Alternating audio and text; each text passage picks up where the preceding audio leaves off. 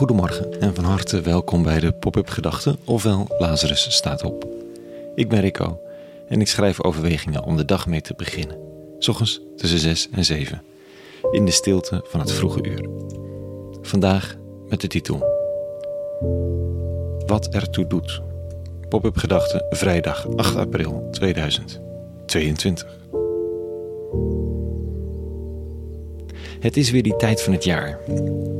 Elke keer rond deze tijd open ik, toch weer met zweet in de handjes, een nieuwe crowdfund-pagina.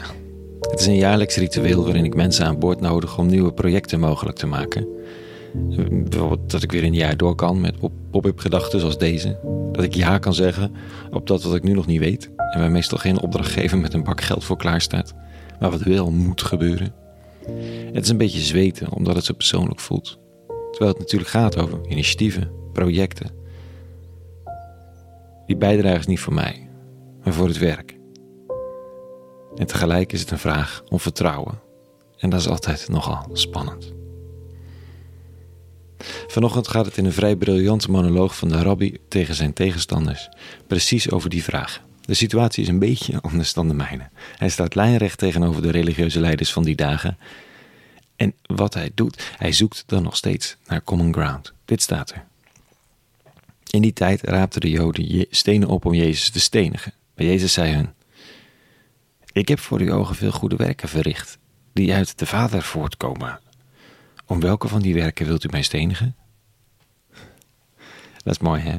Hij zegt: Ik zie dat jullie kwaad zijn, maar ik heb vooral mensen staan te genezen. Of opnieuw binnen te brengen in de gemeenschap. Om welke van die, van die acties wil je me precies kapot maken? De Joden gaven hem ten antwoord: nou, Niet om een goed werk stenigen bij u, maar om een godslastering. Dat u, een mens, uzelf tot God maakt. Hmm, dat is een serieuze beschuldiging. Zeker in die tijd. En Jezus heeft niet heel veel moeite gedaan om te voorkomen dat men hem daarvan kon beschuldigen.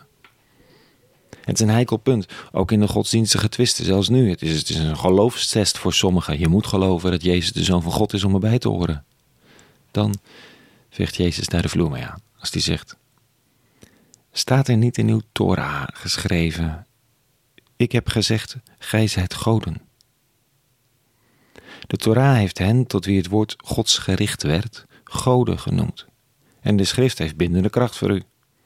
Waarom beschuldigt u mij dan, die door de Vader geheiligd en in de wereld gezonden werd, van godslastering, als ik mezelf Gods zoon noem? Geen water bij de wijn. Integendeel. Maar dit, je vindt dat ik zeg dat ik heel wat ben? Nou, ik denk dat jullie ook heel wat zijn. Kijk maar in je teksten. Allemaal kinderen van God. Nou, jij weer. En dan gaat hij van theologie naar praktijk.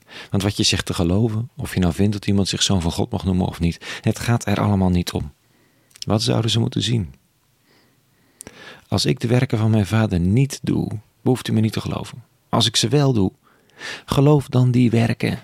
Als u mij niet wil geloven, dan zult u inzien en erkennen dat de Vader in mij is en ik in de Vader ben. Kort samengezegd, vat. Geloof me dan niet. Prima, laat maar. Maar please, geloof dan tenminste wat ik doe. Zie dan dat dat wat er gebeurt goed is. Laten we daarin in elk geval naast elkaar staan. Kijk dan weg van wie ik ben. Kijk naar genezen mensen, degene die weer erbij horen, die zich bevrijd weten uit de visieuze cirkel van schuld en zelfdestructie. Kijk dan en vier dan met me mee. Ik hoef geen ja en amen op kerk, geloof of blijdenis. Dat is niet de kern.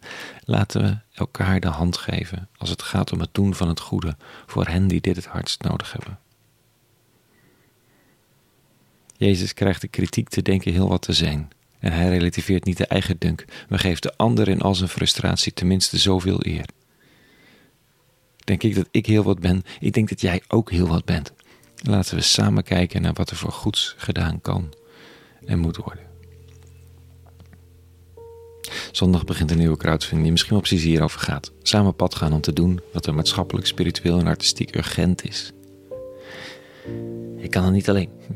Ik wil het ook helemaal niet alleen. Los van waar we allemaal precies in zeggen te geloven, laten we elkaar de hand geven in het geloof in de noodzaak van het doen van het goede.